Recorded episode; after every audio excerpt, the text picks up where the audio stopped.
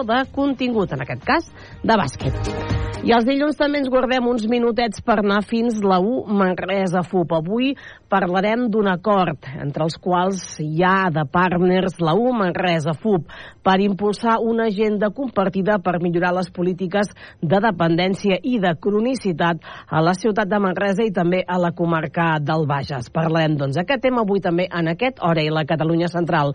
Abans de començar, abans d'entrar matèria, és hora de fer un repàs a l'actualitat de la jornada.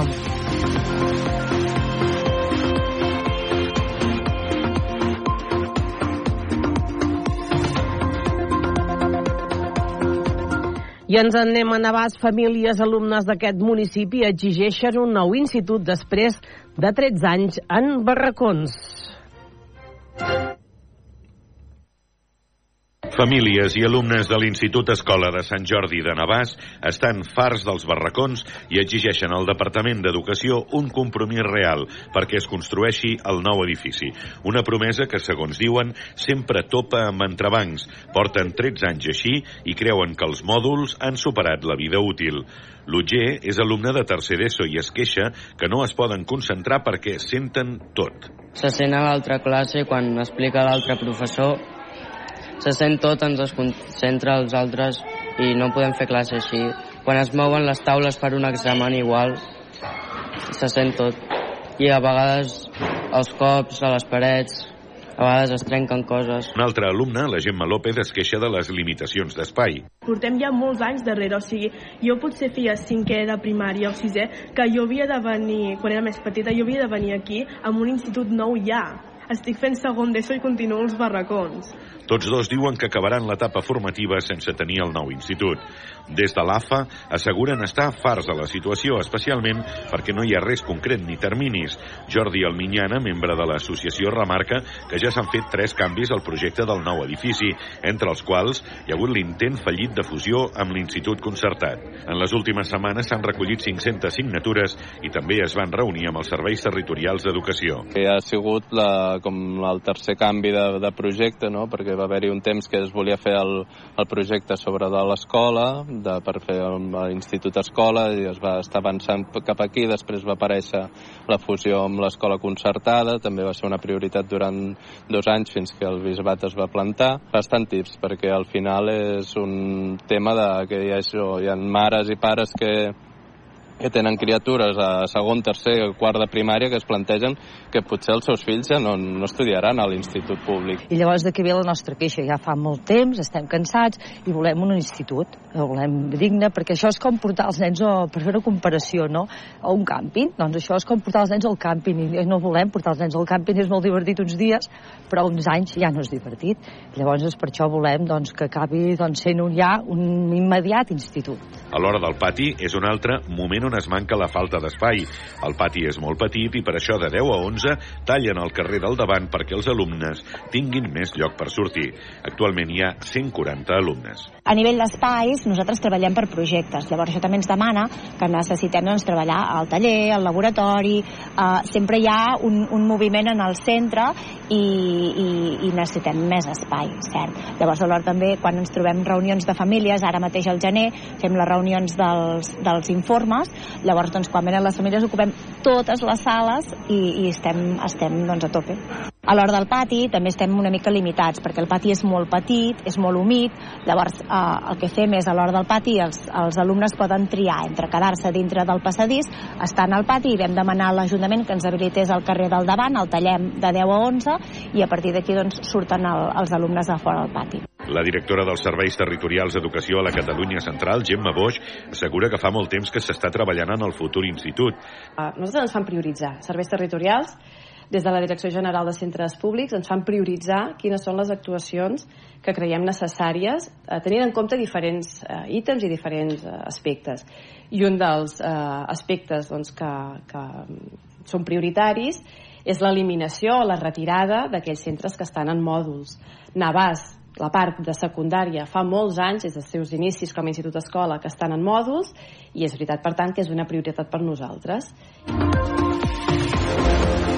I anem a parlar de números, i és que l'Ajuntament de Manresa ha presentat el seu pressupost el més alt de la seva història. Manresa presenta el seu pressupost més alt de la història, amb un total de 116 milions i mig d'euros, el que suposa un 6% més respecte al del 2023.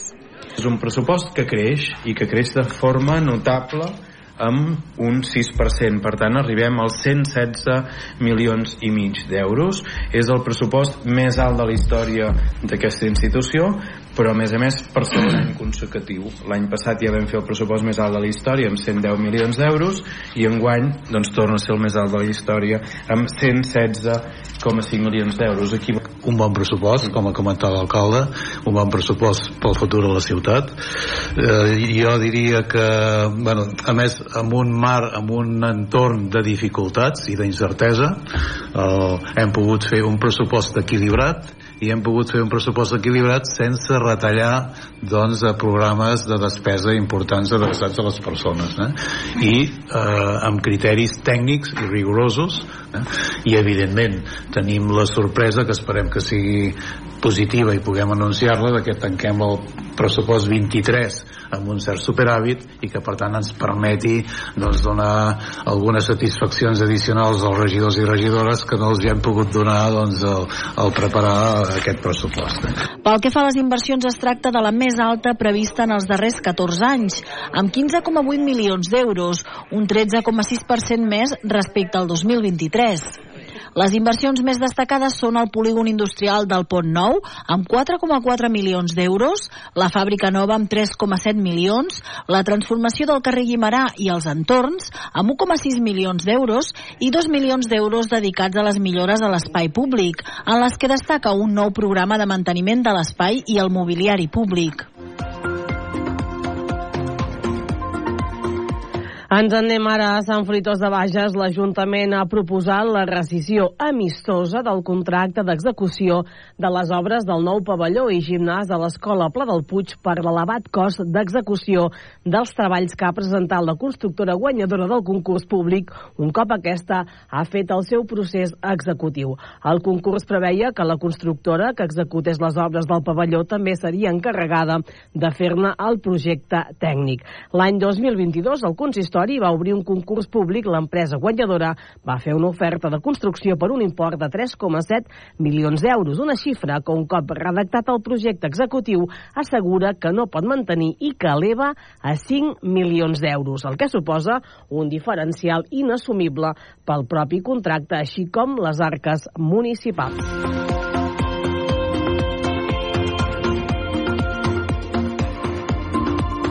El pessebre vivent del Bages a les Torres de Fals ha començat aquest dissabte la seva 45a edició amb èxit. L'espectacle nadalenc més antic del Bages pràcticament ha exaurit les 250 places disponibles en les dues primeres sessions. En aquesta 45a edició el pessebre compta amb més d'una vintena d'escenes i amb la col·laboració d'unes 280 persones, entre tècnics i figurants, una de les xifres més altes de la seva història.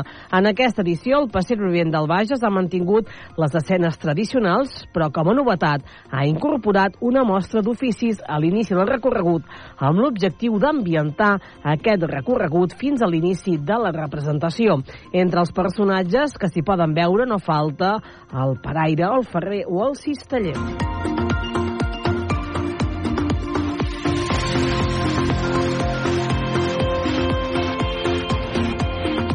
I si anem als esports, hem de parlar del Baxi Manresa, de la derrota del partit d'aquest dissabte, al Nou Congost contra el Lenovo Tenerife.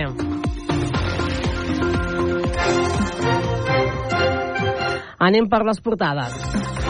Comencem amb el que explica el diari Regió 7, que diu que Manresa enceta la campanya nadalenca amb, nou, amb nous comerços. També parlen dels canvis d'hàbit que marquen el pas en les compres que es fan al mercat per Nadal. El diari també explica en la seva edició digital que la CGT qualifica de vergonyós que l'Ajuntament de Manresa tingui una brigada amb només tres operaris. I també destaquen el fet que han calgut cinc trets de la policia local de Manresa per abratar un porc senglar a la capital del Bages aquest cap de setmana.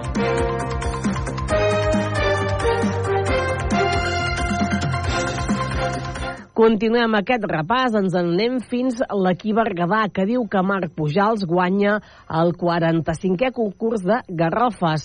Nit redona per a Marc Pujals, que va arrasar en aquesta 45a edició d'aquest concurs organitzat per la Farsa. L'entitat Vegi proposa aprofitar l'aigua de la pluja per al rei quan es renovi la gespa i el camp de futbol de Berga. Ens anem al Nació Digital Solsona. Diputats provincials i alcaldes de Junts Impulsem visiten el Solsoner en una intensa jornada han anat des de Guixers fins a Pinós, al cor de Catalunya, passant per Solsona. I acabem aquest repàs anant fins la comarca de la Noia, sabent el que explica l'infonoia.cat. El robatori d'una canonada provoca el vessament de 20.000 litres d'oli al riu Anoia i es constitueix el nou Consell d'Infants de la població de Calaf.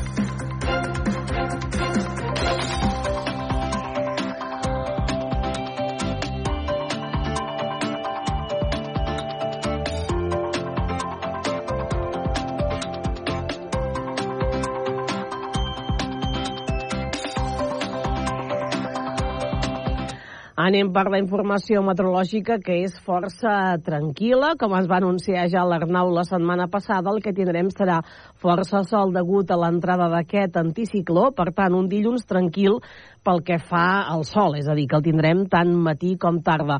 El que sí, avui les temperatures han baixat molt.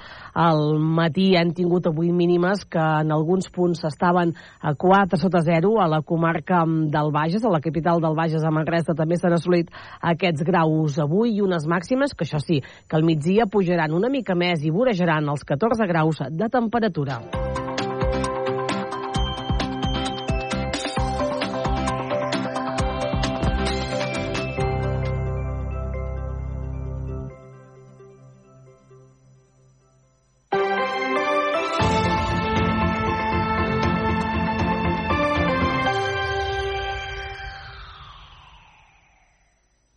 Atenció, curs d'operador carretilla elevadora. Tipus de carretilla, frontal, apilador i transpalet elèctric. Possibilitat de fer també carretilla retràctil segons demanda. Preu per a particulars, carnet de carretilla, frontal, apilador i transpaleta elèctrica, 150 euros. Carnet de carretilla frontal, retràctil, apilador i transpaleta elèctrica, 180 euros. Els treballadors tenen la possibilitat de bonificar el curs a Fundae per empreses. Informació a GCT Plus Consultoria i Formació. Telèfon 722 76 41 11. E-mail formació arroba gctplus.com. Un any més i un Nadal més torna el pessebre vivent de les Torres de Fals. Els dies 16, 17, 23, 26 i 30 de desembre. I continuem amb les funcions el 1, 6 i 7 de gener. Reviu la pau i la calma, la joia i l'amor que transmet aquest lloc. Viu un pessebre vivent a les Torres de Fals, en un espai natural i únic. Vine i somia. Informació i venda anticipada a pessebre.cat.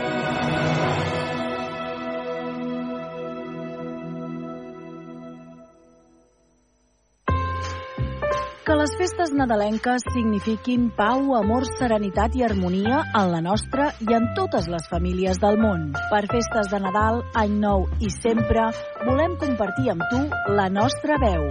Som Ràdio Manresa. Bones festes. Hora L, Catalunya Central. Eli Pagani.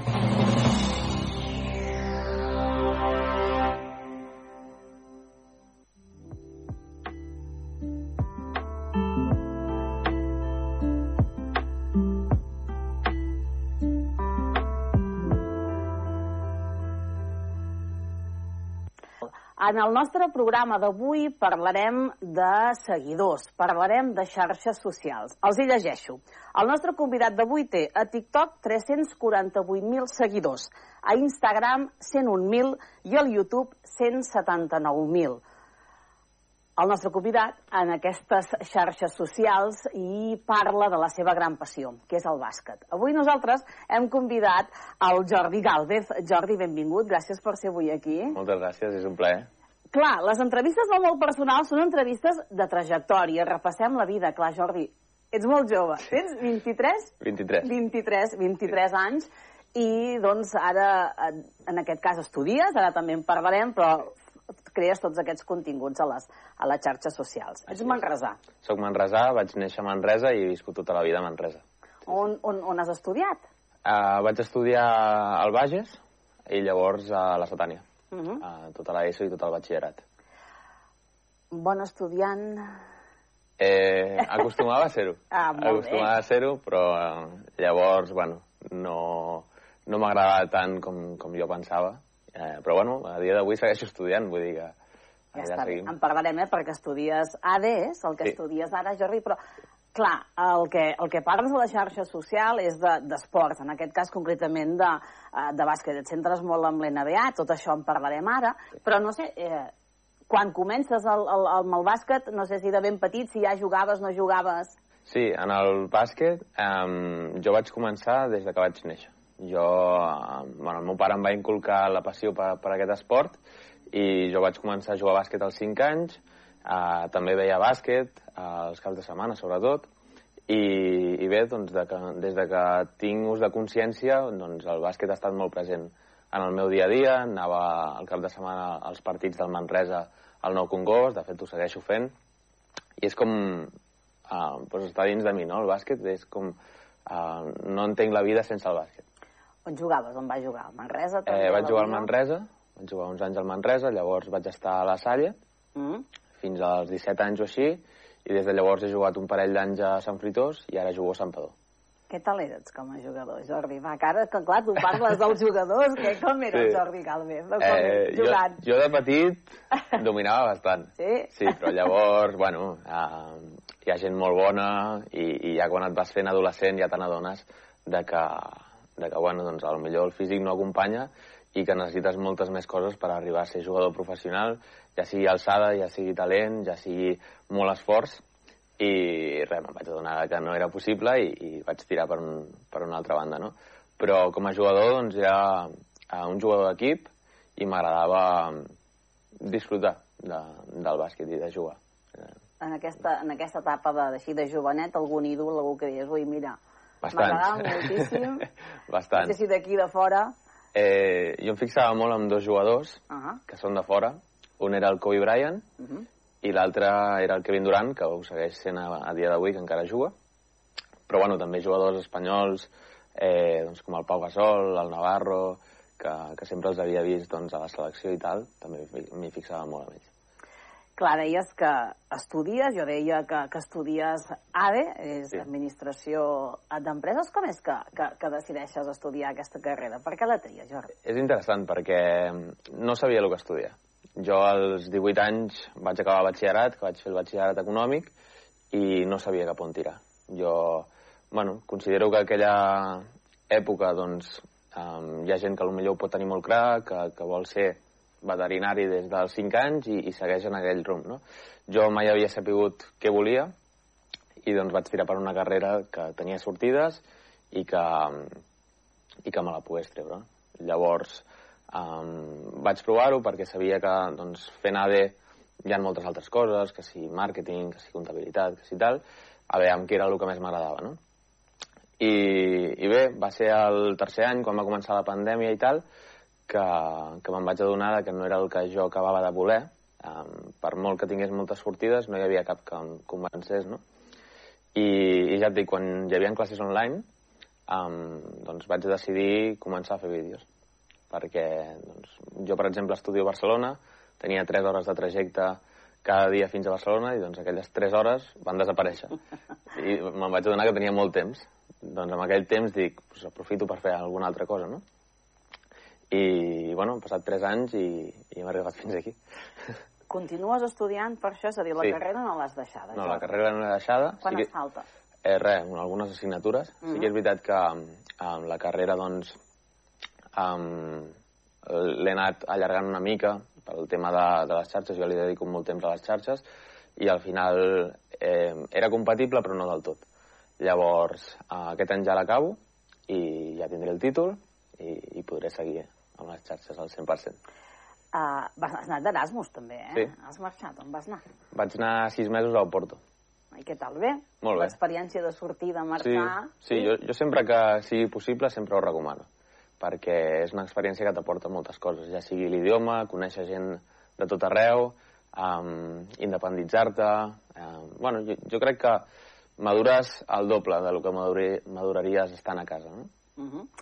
Clar, deies les xarxes, no? I que és el que et dediques i que segurament hi dediques molt bona part de la, de la jornada. Sí. Deies això, surt així? És a dir, uh, tinc molt temps, uh, vaig a fer alguna cosa, començo a, a penjar vídeos, com, com Jordi, com, com ha anat? Sí, bueno, era, era un petit resum, però, però bàsicament és una mica això. Jo, um, doncs, quan va arribar la pandèmia, um, quan me'n vaig adonar que el que estava estudiant no, no m'acabava d'agradar, doncs vaig començar a provar coses. Ja que tenia temps, estava a casa, no, vaig començar a provar, perquè al final dic, si no provo no sabré el que m'agrada, no? I vaig començar, doncs, a, a agafar cursos d'emprenedoria, aviam si podia anar per allà i tal. Me'n vaig adonar que no era exactament el que buscava, fins que provant, provant, vaig caure amb els vídeos. Vaig començar a TikTok, en aquell moment pràcticament no hi havia ningú creant contingut de bàsquet, i, i dic, per què no? Hi ha gent fent-ho a altres plataformes, vaig a provar-ho aquí.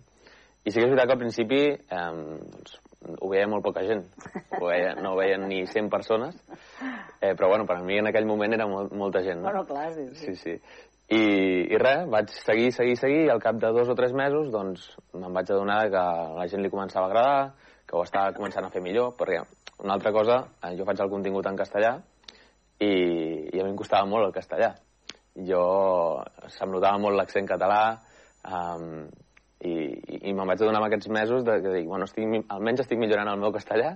Dic, si al final no m'acaba servint per res, doncs em servirà doncs, per millorar la meva comunicació i el meu castellà, almenys, no? I res, uh, va ser això, al cap de dos o tres mesos, que vaig veure que la gent li començava a agradar, a mi també, i m'ho vaig prendre més en sèrio. Li començava a dedicar més hores i, i més esforç.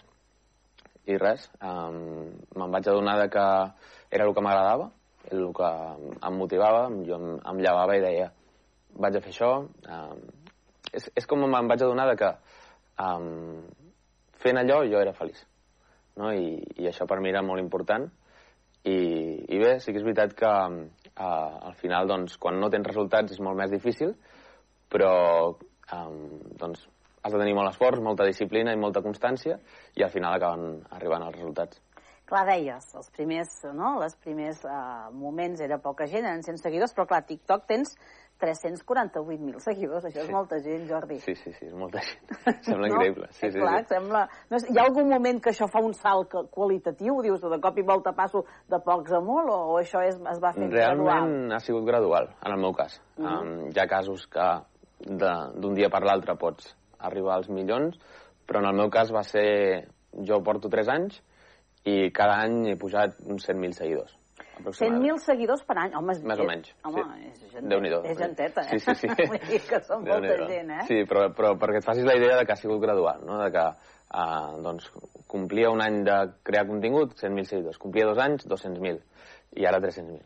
I, i mira, uh, no sé, ha sigut una mica així, jo crec que ha sigut fruit de, de la constància, ja et dic, de, de penjar cada dia vídeos, jo vaig començar penjant un vídeo al dia, llavors al cap d'uns mesos vaig pujar a 3, llavors vaig pujar així a, a 5 i ara estic en 8, 8 vídeos al dia. Llavors, eh, doncs això és eh, cada dia estar allà buscant informació, eh, fent els vídeos, preparant-los, editant-los, eh, i bé, és, és, és feina, és, és esforç, però, però crec que val la pena. Clar, llavors el tema el tenies clar, perquè la teva sí. passió és el bàsquet. Llavors, solució, sí. parlem d'això. Sí, no? és així, és així.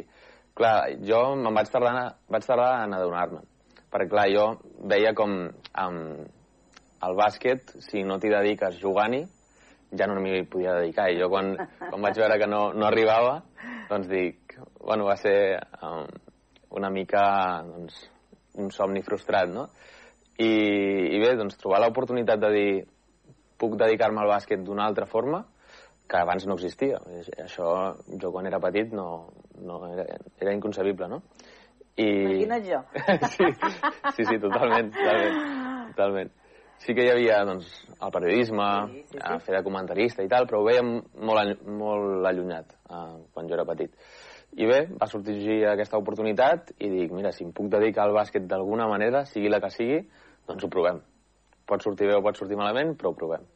Clar, quin tipus de continguts? És a dir, què hi explica el Jordi en aquests, en aquests, en aquests vídeos, en aquests TikToks, en tot el que peny, en tot el que poses a la xarxa? Bé, hi ha, hi ha hagut anant un, um, un progrés. Jo vaig començar creant més contingut de bàsquet en general, de, a lo millor reptes. Um, jo m'anava a, a la pista de bàsquet i, i N'hem vist algun, eh? Tirant Sí. algun, algun triple de, de lluny que, que li Sí. poses, eh? Sí, sí, que, sí. eh? que aquest, aquest és important. Sí, sí, Reptes sí. també. Sí, feia reptes de cara més al principi i ara el meu contingut és més d'informació, de posar al dia la gent del bàsquet en Mira, general. Veus, és aquest, és el que Aquest? deia, eh? Ah, bueno, aquest és bastant recent. Ah, però, però és- home, Sí, sí, sí. I a la primera. ah, això és la en sèrio? És la primera, sí, sí. Home, que Sí, sí, això és sí. complicat fer-ho, eh? Molt Això complicat. era a, a Madrid, al Withing Center, a, a, una pista que havien fet nova i, i dic, mira, Provo. ja que, ja que ho han fet, provo i mira, va sortir a la primera. I o sigui, m'he- m'he perdut ara. Sí, dic que et deia que els continguts deies que, fer, que això, que has anat evolucionant, eh? Sí, exacte. Que hi havia també, Sí. havies fet reptes. Havia fet reptes i ara és més un contingut d'informació. Um, molt de la NBA, però també del bàsquet espanyol, de l'ACB, bàsquet europeu, l'Eurolliga. Intento informar a, a la gent que em segueix i a, i a la que encara no em segueix del, del que passa, del dia a dia del bàsquet i, i també de fer- fer-ho d'una manera entretinguda. Al final, el bàsquet és divertit, però, però també se li ha de ficar una mica de passió per transmetre allò que vols transmetre, no? I, i tracto de fer-ho d'una manera més entretinguda perquè sigui més amè a l'hora de, de rebre-ho. Parlem de l'NBA. Què té l'NBA, Jordi? Perquè deies, eh? Sí que, que parles de, de, no, de la Lliga de, de la Lliga Espanyola, de la Lliga Endesa, parles de la Lliga, però també molt de la de l'NBA. Per què? Sí. Què té? Um, per mi és una lliga molt divertida eh, i és molt diferent a lo que tenim aquí a, a Europa. Bàsicament um, és una lliga on no hi ha equips que pugen i baixen, sempre hi ha els mateixos equips, hi ha uns play-offs de tota la vida, però sí que és veritat que um, allà prevaleix l'espectacle. Allà hi ha molts jugadors molt físics, molt forts, molt atlètics i que fan coses increïbles. I a més, algo que, que em sorprèn molt i que, i que m'agrada molt i, i m'agrada transmetre no? Jo potser veig una jugada espectacular i, i la meva reacció és el que es veu a les xarxes. És realment, jo estic a casa al sofà sense una càmera, veig una jugada i m'aixeco del sofà perquè flipo, no? I, i bé, eh, sí que és veritat que és un bàsquet diferent al que hi ha a Europa, és més espectacular, a Europa també m'agrada molt perquè és més tàctic, um, hi ha més estratègia, més joc en equip. És un bàsquet diferent, m'agraden els dos, eh, però sí que és veritat que l'NBA és diferent. Que l'NBA eh, ja és diferent en el sentit de que jo dic, com tu fas? Perquè, clar, eh, dorms, Sí. perquè, clar, els partits, Sí. els partits de l'NBA, quan, quan els veus? Perquè si els vols veure en directe, deus passar son, Jordi. Sí, no, no, no. No els miro mai en directe, per sort. Eh, ara, per exemple, la meva germana està vivint als Estats Units Ah. i, i clar, ella em diu, mira, jo estic sopant i puc veure els partits. I tinc, Oh! tinc enveja, no? De dir, Clar. jo també vull. Jo A mi m'agradaria. Però en el meu cas tinc la sort de que um, hi ha una plataforma que es diu NBA League Pass on pots veure els partits en diferit. Llavors jo el que faig és dormir normal i corrent, les meves 7-8 hores, i quan em llevo, mentre esmorzo, em, em miro els partits. Ja, però són... Aviam, els partits de l'NBA són molt llargs. Sí. sí. Clar, molt llarg, Jordi. No és allò que dius els d'aquí a vegades... ja... ara, ara hores. també amb la tele els d'aquí també a vegades ho són molt, eh? Amb la, però Sí. els de l'NBA encara ho són, encara ho són més, Si Jordi. si te'l mires sencer són 3 hores. Per això t'ho dic, que són moltes. Però hi ha, um, um, bueno, en l'aplicació aquesta hi ha un, um, hi ha un format que pots mirar els partits en 40 minuts. Que, bueno, t'estalvies dues hores, Home, no? et talla els temps morts, et talla tot, perquè simplement vegis el, el que hi ha del partit, no? I això s'agraeix molt, perquè, perquè si has d'anar saltant o si ho has de veure en directe, eh, doncs millor estàs a les 3 de la matinada fins a les 6 de la matinada. No, no, no pots aguantar perquè no, no es pot. Però clar, en aquest sentit, doncs mirar-ho al, al matí és molt més fàcil. Clar, són... Uh, clar, els vídeos de TikTok, llavors parlarem també de les altres, uh, de les altres xarxes socials, uh, són, són vídeos, estem parlant d'un vídeo de... perquè la gent s'entengui, no sé, són 30 segons, 30 segons. 30 segons. Mm. Clar, la gent deu pensar, ui, això, agafes el mòbil, et poses allà, això què és? Mitja hora. Quantes hores, quan pots dedicar a fer doncs, un, un vídeo de, de, de TikTok o qualsevol, un vídeo d'aquests de, de 30 segons, Jordi? És curiós perquè molta gent pensa això, de que res... Clar, no, agafes el mòbil, sí, ja, un ja minut estàs. i ja ho tens. Jo puc arribar a passar el dia una jornada laboral, 8 hores, uh. in, inclús més. Um, però bueno, com, com t'he dit abans, ha sigut un progrés. Jo quan vaig començar no li dedicava tant temps i ha anat pujant, diguéssim. A part d'això, um, cada cop hi ha més feina, no només de gravar, sinó de gestions, de- d'altres coses relacionades amb això, però no de gravar. Al final, el tema de gravar és el que més, menys temps gasto. Al final, tardo molt temps en, en buscar informació, en mirar els partits, en saber tot el que ha passat. Al final, jo recolecto moltíssima informació i a partir d'aquesta informació eh, doncs preparo els vídeos. Però clar, el que més tardo és en buscar tota la informació. Potser m'estic dues o tres hores buscant la informació i un cop la tinc començo a preparar els vídeos, ho tinc tot, tal, tal. A millor han passat 5 hores i allà començo a gravar. Saps? Llavors, um, no és el que es veu. No és tan... I clar, potser la gent no s'hi fixa, però jo um, en un vídeo estic parlant d'una cosa i tal, i et deixo anar un, un dato, un... no sé com es diu en català. Sí, una dada. Una dada, Mhm. exacte.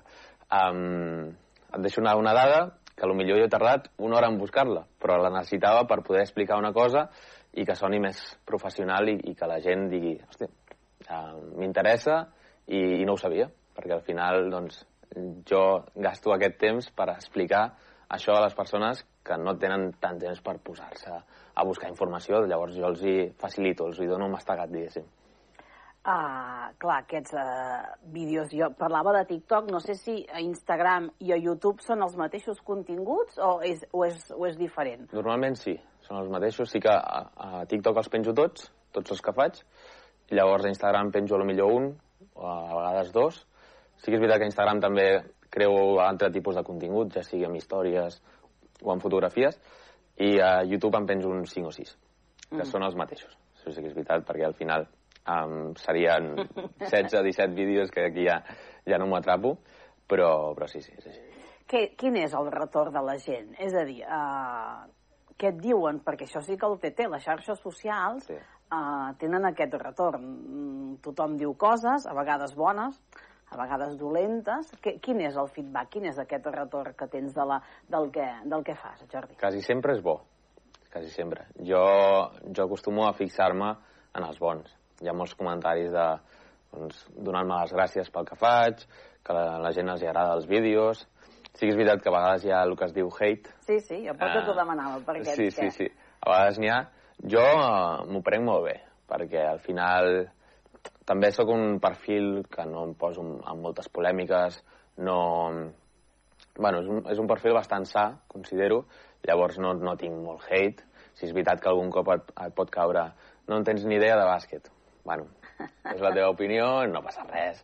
Al final, um, a les xarxes ja sabem el que hi ha, i, i sí que és veritat que no, no és per tothom. Jo entenc que ja pot haver gent que, que rebre segons quins comentaris li pugui afectar. En el meu cas no m'afecta, potser al, al principi em va afectar una mica més, però t'acostumes. T'acostumes i, i ho aprens a portar i, i arriba un moment que és que ni t'hi fixes. Dir, estàs tan concentrat en poder crear contingut i tal que mires els comentaris eh, que t'interessen i, i hi ha una altra cosa. O sigui, quants comentaris pots tenir, per exemple? Perquè, clar, a vegades allò, quan, jo què sé, mires un, desplegues, no?, i en tots Sí. aquells... Te'ls mires, eh, què fas? Mires Intento- els últims, fas allò, els miro així transversals... Sí, me'ls miro una mica transversals, uh, perquè al final n'hi ha molts. Clar, al final potser hi ha 50 o 100 per vídeo de mitjana i penjo 8 vídeos. Um, al dia poden haver en, en totes les xarxes gairebé 1.000 comentaris i és impossible. Vull dir, perdria molt temps Ai, mirant-me'ls si tots. algú et demana alguna cosa, perquè jo què sé, pot ser que diguis ai, mira, Sí. m'agradaria demanar-li alguna cosa, però clar, Sí. contesta, no? Quan Hi ha, per exemple, a YouTube hi ha una cosa que m'agrada molt, que és um, els comentaris amb preguntes, Sí. um, te'ls seleccionen. Ah, Tu els pots veure. Llavors, um, normalment doncs, em fico en, en aquests, aviam si puc resoldre algun dubte o, o tal. Llavors també pots buscar paraules uh, concretes, llavors potser doncs, busco Just, perquè els seguidors més uh, fidels doncs, acostumen a posar Just, que és com, com em diuen a les xarxes. Doncs poso, poso aquesta paraula i sempre surten comentaris bons, llavors aquells sí que els contesto, no? Però sí que és veritat que és impossible poder respondre a tots. Uh, al principi ho feia, perquè eren Clar. tres o quatre, Que llavors, deu fer gràcia, perfecte, sí, sí, al Clar. principi era molt, molt graciós, però, però bueno, arriba un punt que no es pot, però, però m'agrada també, eh, a Instagram també doncs, eh, m'escriu gent i sempre intento respondre a, a tot el món perquè al final doncs, eh, són ells els que m'ajuden a, a créixer, no? a, a aconseguir el que estic aconseguint. a tots aquests seguidors que han anat creixent tant a, a, a, no, a les xarxes com en totes les xarxes on està, doncs, el, a, on està el Jordi, a Instagram, YouTube, a TikTok, però clar, vol dir editar també. Sí. Clar, nosaltres aquí editem, som un Sí. mitjà de comunicació, per tant, editem. Això ho has hagut d'aprendre, també. Sí, sí, sí, no en tenia ni idea quan vaig començar, però zero, sí, no. Mai havia editat un vídeo, no, sé, no sabia editar fotos ni res, i, i bé, ha sigut a base de- d'anar aprenent, de començar doncs, editant, eh, re- retallant algun fragment, fins al punt de, de, bueno, de començar a posar subtítols, de posar sons, eh, zooms, coses així que, que són més dinàmiques, però ho vas aprenent amb el temps. Jo no... A lo millor pots mirar algun vídeo a YouTube, que sempre hi ha vídeos que t'ajuden, com editar mejor. Els tutorials. Els tutorials de tota la vida, doncs algun, algun és, és necessari, però, però bueno, és a base de pràctica. A base de pràctica. Uh, clar, llavors editar, per exemple, trigues molt. Sí, sí, sí, sí. Puc trigar un parell d'hores perfectament i dels vuit vídeos que penjo sempre intento penjar un així més currat, que més que es vegi molt millor, que surtin moltes imatges, que surtin tal, i aquests ja costen bastant més i, i és més treball d'edició. I aquestes imatges, per exemple, d'on les pots agafar? D'on les agafes? De tot arreu. Jo al final busco la informació i trobo les imatges, eh, ja sigui a Google, a les xarxes socials, a tot arreu hi ha, hi ha, hi ha de tot. Eh, al final és molt fàcil trobar... Bueno, molt fàcil no, perquè eh, Tot, tot, dedicat... tot, tot porta molta feina. Sí, o sigui, és, és esforç perquè has de buscar molt, però dins el, dins el que cap eh, és relativament fàcil trobar-ho. També hem vist en aquests uh, vídeos que penges entrevistes. Sí. Entrevistes a jugadors de, de bàsquet. Uh, clar, t'és fàcil fer, fer una entrevista? Perquè, clar, dèiem, el Jordi estudia ADE. Sí. Uh, et planteges en algun moment uh, anar cap a la branca de, de periodisme? M'ho he plantejat. M'ho he plantejat, de fet, si ara tornés a tenir 18 anys faria periodisme, um, però clar, no els tinc, llavors... En tens 23, En eh? tinc 23, Jordi, ho, podria fer, ho podria fer, però ara no, no m'hi veig 4 anys més tornant a estudiar. Sí que és veritat que tenint la carrera d'ADE eh, puc fer un màster de periodisme. Um, I així, això fa anys que ho sé i, i ho tinc en ment. Però també és veritat que he conegut a molts periodistes en, en aquests anys que m'han dit que realment no acaba de ser necessari. Que està bé tenir la, la, un màster de periodisme i tal, si et ve de gust fes-ho, però realment pots arribar a treballar de periodista, entre cometes, sense ser-ho. De fet, ho estic fent sense ser periodista, eh, però en un medi doncs, diferent al, al tradicional. No? I el que em preguntaves de- d'entrevistar de, jugadors NBA, sí que és veritat que quan vaig començar era molt difícil. Uh, Nerviós. La, la primera Clar, vegada... vaig m'imagino. Ah, Tens aquí davant el Willy Hernán Gómez, no? Sí, sí, sí. Uh, uh, allò, nervis. Què Sí, li sí, demano? sí, Ai, sí. què li demano? No, al, al- al final, um, clar, el problema va ser que jo, uh, la meva primera entrevista que li vaig fer a algú, va ser un jugador de NBA. Clar, ja podria haver començat a, amb algú altre. amb algú altre. amb algú de casa. Sí, amb algú de casa. Guillem per Jou, exemple. per exemple, el tindries més Hauria sigut assequible. més proper i més fàcil, però, però clar, va ser jugador de NBA. Sí que el que vaig fer va ser preparar-m'ho molt. Al, al final, um, doncs, ho vaig saber amb unes setmanes d'antelació i em vaig preparar les preguntes i tot, perquè si arribo a improvisar em quedo en blanc.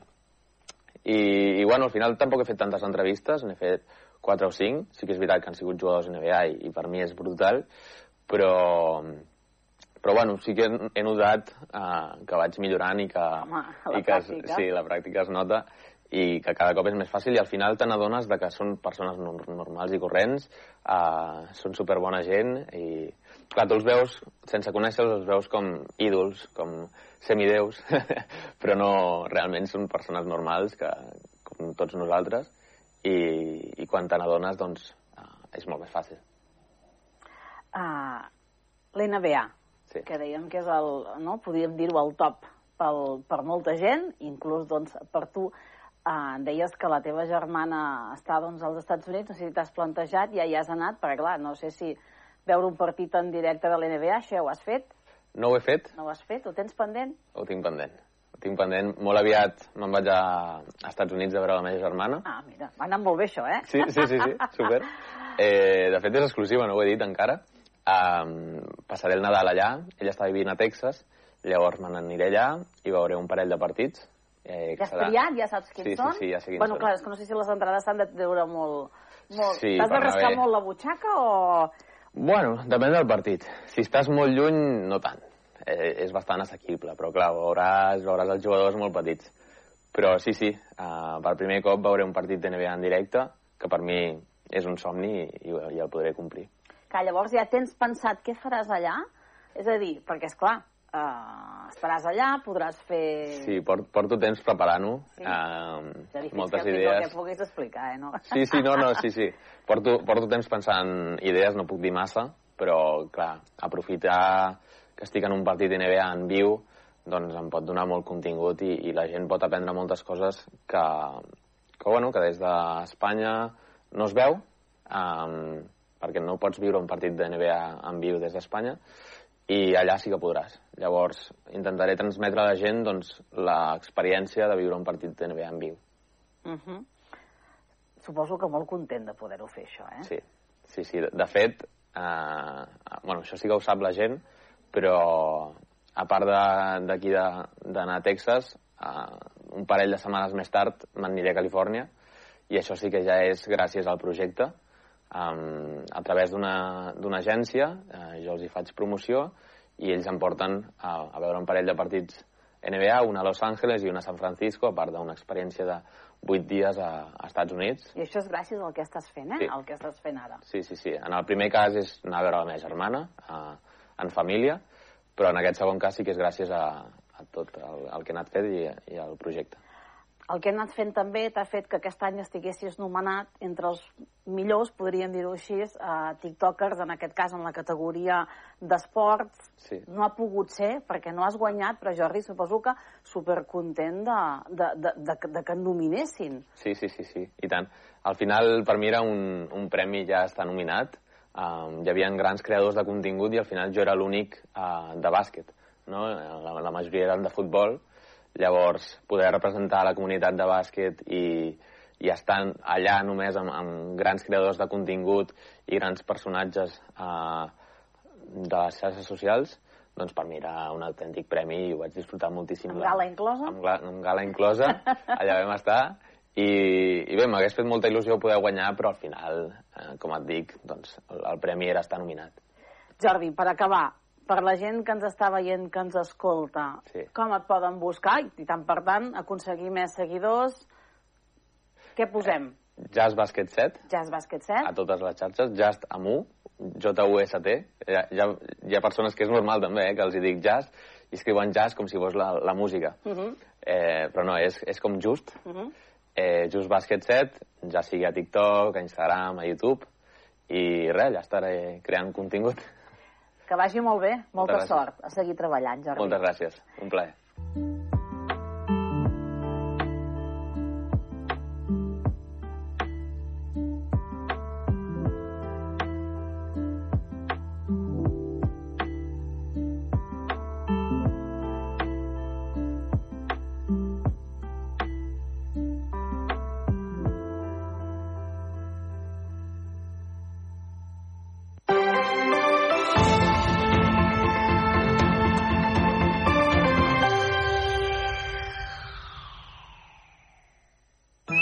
En Manu, el Minimans, manis pels amics, no, ha contractat la llum a Factor Energia i no, no s'estalvia en 12,5%. Manu, contracteu tots la llum.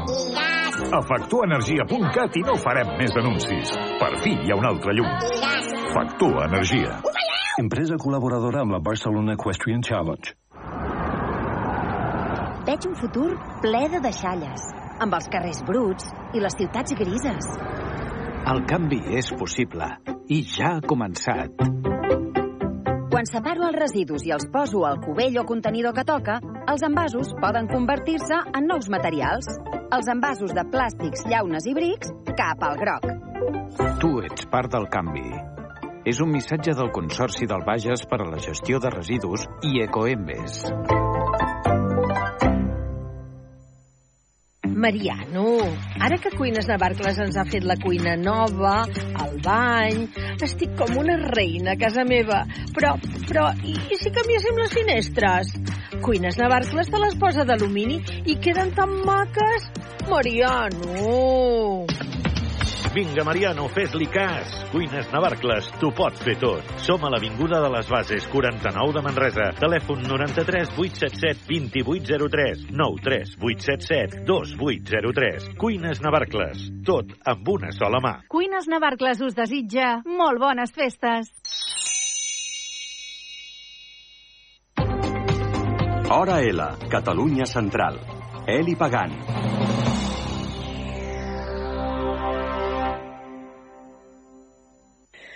La U Manresa FUB s'ha sumat a l'acord territorial per impulsar una agenda compartida per millorar les polítiques i els projectes de dependència i de cononicitat. Avui nosaltres hem convidat en aquest hora la Catalunya Central a la Lluïsa Sort. Ella és la coordinadora de recerca i innovació de la U Manresa, del campus Manresa. La saludem. Lluïsa, molt bon dia. Hola, bon dia. I gràcies per ser avui aquí, per acceptar la nostra invitació. Parlarem d'aquesta agenda compartida, eh, de quin és el seu objectiu.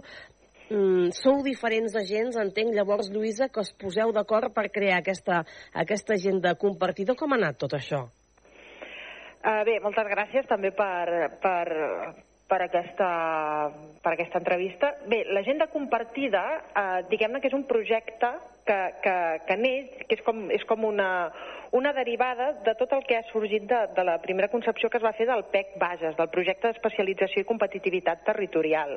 Diguem-ne que és com, com, com, el, com un de les derivades d'haver sigut capaços de, de treballar d'aquesta manera col·laborativa durant aquests últims eh, tres anys. Per tant, eh, és arrel de la definició del repte que es va fer en el seu moment que s'ha pogut eh, valorar tot el potencial de, de, de treball conjunt i col·lectiu d'aquest repte i s'ha pogut veure com l'abordatge des de molts punts de vista, des de diferents institucions, des d'inclús també col·laboració ciutadana, és molt més fàcil de donar resposta al repte que s'està plantejant. I en aquest cas el repte de l'envelliment i la cronicitat, eh, perdó, de la dependència i la cronicitat, no només relacionat amb l'envelliment, mm. va ser el que es va detectar en el seu moment quan es va conceptualitzar aquest PEC Bages, és a dir, que donava resposta a una, a una necessitat del, del propi territori, que és l'envelliment poblacional, tot i que no només, i també els reptes globals de, que tenim a nivell de com a societat. I, a més eh, de tot això,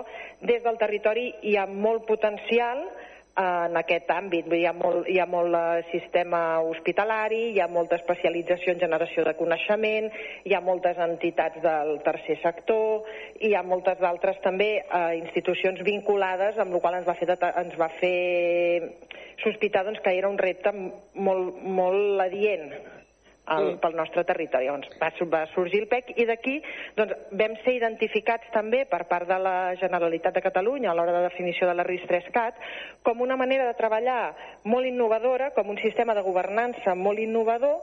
Vam ser agafats eh, aquí en el Bages com a, com a model per la definició d'aquesta nova RIS3CAT, de l'Estratègia d'Especialització Intel·ligent de Catalunya, i arrel d'aquí doncs, ha sigut un anar a treballar fins que ve un, un dels princip, un dels indicadors últims ha sigut aquest, eh, aquesta signatura d'aquest acord per ja posar sobre, sobre paper tot això que hem anat treballant.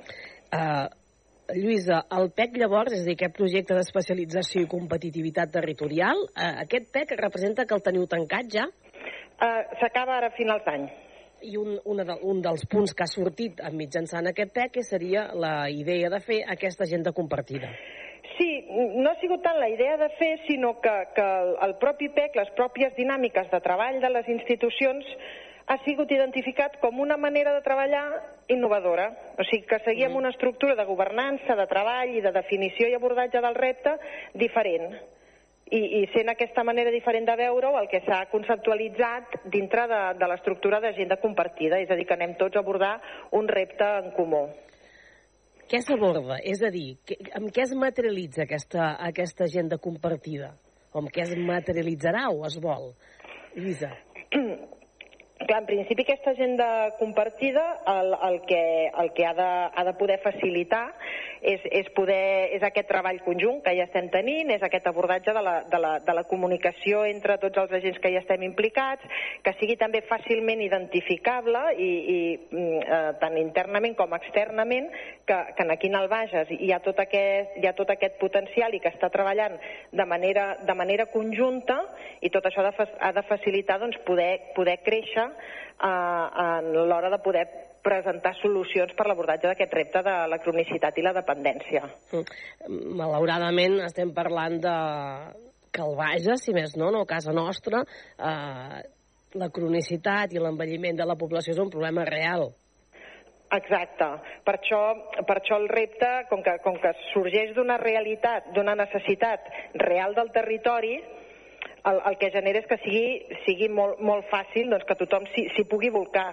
I aquest volcatge per un repte que és real i compartit és el que ha de facilitar i el que ens està facilitant la manera de treballar entre, entre tots els actors i de poder-hi donar resposta. Clar, quan parles d'actors, Lluïsa, qui, qui sou? És a dir, qui forma part? Qui, qui hi ha al darrere? A banda de, en aquest cas, no? vosaltres com a, com a Humanresa, com a FUP, qui hi ha més? Quines entitats hi han? Ara mateix, en, en aquesta signatura que es va fer per fer aquest acte públic de posada en marxa, ja també com, com aquest punt de partida d'aquesta nova estructura de governança, no voldria deixar-me ningú, però crec que hi ha la UPC, hi ha, hi ha Eurecat, hi ha el Consell Comarcal, hi ha el TAIA, hi ha Sant Andreu Salut, hi ha l'X Catalunya Central, i no sé si em sembla que no m'estic... i la Fundació Universitària del Bages. Uh -huh. És a dir, és I... actors diferents, és a dir, una part, la part vostra, que seria universitària, però evidentment també doncs, la, la, part de, la part de salut. Lluïsa. Ah, exacte. Sí, sí, és molt important que... Uh, que I en pans, perdó, me'ls havia, me havia deixat. Uh -huh. que són aquestes entitats que impulsen tot, tot aquest projecte. Uh, Lluïsa, uh, uh, uh, aquesta agenda compartida, aquest model, l'heu presentat ja? L'heu fet públic? Aquest model es va, fer, es va fer públic, es va fer aquesta signatura d'aquest conveni de, de col·laboració entre totes aquestes entitats i és el que, el que s'està treballant. Ara han de començar les dinàmiques de treball que, que, ens, que ens han d'acabar de servir per, per, per acabar-ho d'aterrar i de donar-li de donar de, de con, contingut de projectes, diguem-ne. Uh -huh. I diguem-ne que ara mateix sí que, té, sí que té alguns projectes, el TAIA té un projecte de tema d'atenció domiciliària, nosaltres també tenim un projecte de ciència ciutadana, diguem-ne que són projectes relacionats amb la temàtica que els fiquem sota el paraigua de l'agenda compartida perquè tots n'estiguem, tots ens siguem coneixedors, tots en siguem partíceps i pugui fluir millor la, la informació i la comunicació entre tots nosaltres d'aquests d'aquests projectes que aborden el mateix repte. Clar, és a dir, que tots esteu treballant en, en la mateixa línia en aquests aspectes, eh, de, de, de, cronic, de cronicitat i d'envelliment, però no que cadascú vagi per la seva banda, podríem dir-ho així, ah, més plenament, Lluís, sinó que no, que tots aneu a la, a la una i que sapigueu, podríem dir, doncs mira, el TAI està fent una cosa, jo n'estic fent una altra, però no, si anem a la una, doncs tots, tots segur que va molt si millor, eh? Si anem a la una, sumem i donem millor, millor resposta, i és una miqueta, aquesta és la, aquesta és l'essència, i també per això, diguem-ne que la l'agenda no va ser construïda, sinó que va, va emergir, diguem-ne, treballàvem així i així li vam posar agenda, però ja era una manera de treballar que teníem totes aquestes institucions. Per tant, no, no és tant que ara mateix eh, d'aquí sigui un projecte mm, concret mm, i acotat, sinó que és aquesta manera de treballar que, que, que ens ha de permetre doncs, a tots poder donar aquesta resposta conjunta i, i si més no ser-ne tots coneixedors i, i que compartim doncs, doncs, doncs resultats i experteses. Uh, no sé si feu llavors trobades, es, aneu explicant més o menys com van, com deies, no? La, la, per exemple, nosaltres tenim aquest projecte, el TAI en té un altre, per, per anar explicant com, com van, perquè potser la manera de treballar també pot anar bé per un altre, o el que hagi trobat algú o li ah, hagi anat bé pot anar bé per l'altre, us, us, aneu, us aneu trobant llavors, Lluïsa? Uh, encara no, diguem-ne que no, no ens hem trobat, més enllà d'aquesta primera assignatura, uh -huh. però com que també ve de, de la dinàmica de tot aquest treball d'aquests últims anys, ja, ja és una manera de, de fer que reunits com a agenda eh, no, no hi hem estat, però sí que hi hem estat tots reunits i hem estat tots compartint i és una cosa que venim fent. És una miqueta institucionalitzar una cosa que ja venim fent i que també aquesta manera de tenir-ho de tenir institucionalitzat ens ha de permetre també obrir noves portes. Uh, Lluïsa, uh, si, pot, si et sembla bé, podem fer cinc cèntims d'aquest projecte que deies que teníeu vosaltres concret des de, des de la Manresa FUP en relació a aquest tema?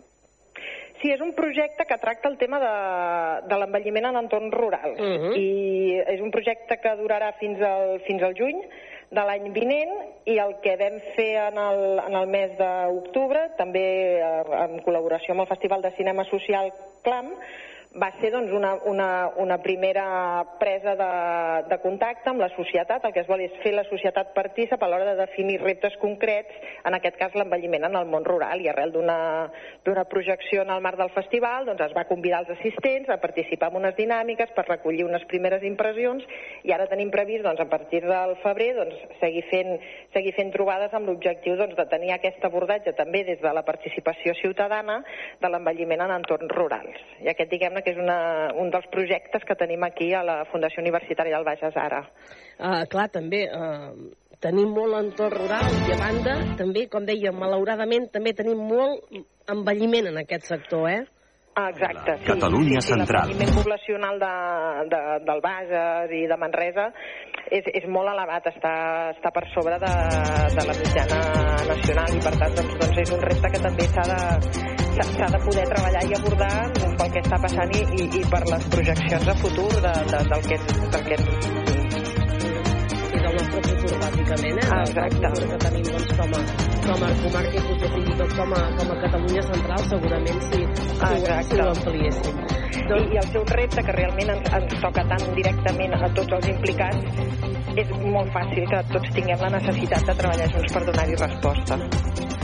Doncs eh, felicitats per la feina, doncs perquè són uns, uns problemes, en aquest cas el que deia la Lluís, eh? la paraula potser seria reptes eh? que, que tenim a la, a la comarca, que seria doncs, eh, treballar per millorar aquestes polítiques i pels projectes de dependència i de cronicitat. Li agraïm avui a la Lluïsa Sort, que ho hem explicat, ella és la coordinadora de recerca i innovació de la Manresa del Campus Manresa, que ens hagi volgut parlar avui d'aquest tema en aquest programa. Lluïsa, moltes gràcies. Gràcies a vosaltres. I molt bon dia, que vagi tot molt bé. Gràcies. La derecha, segregación lingüística, recorte de ayudas y una rebaja fiscal para los más ricos. Mallorca, Juan Antonio Bauza. Alfombra roja del PP de Vargas, la ultraderecha.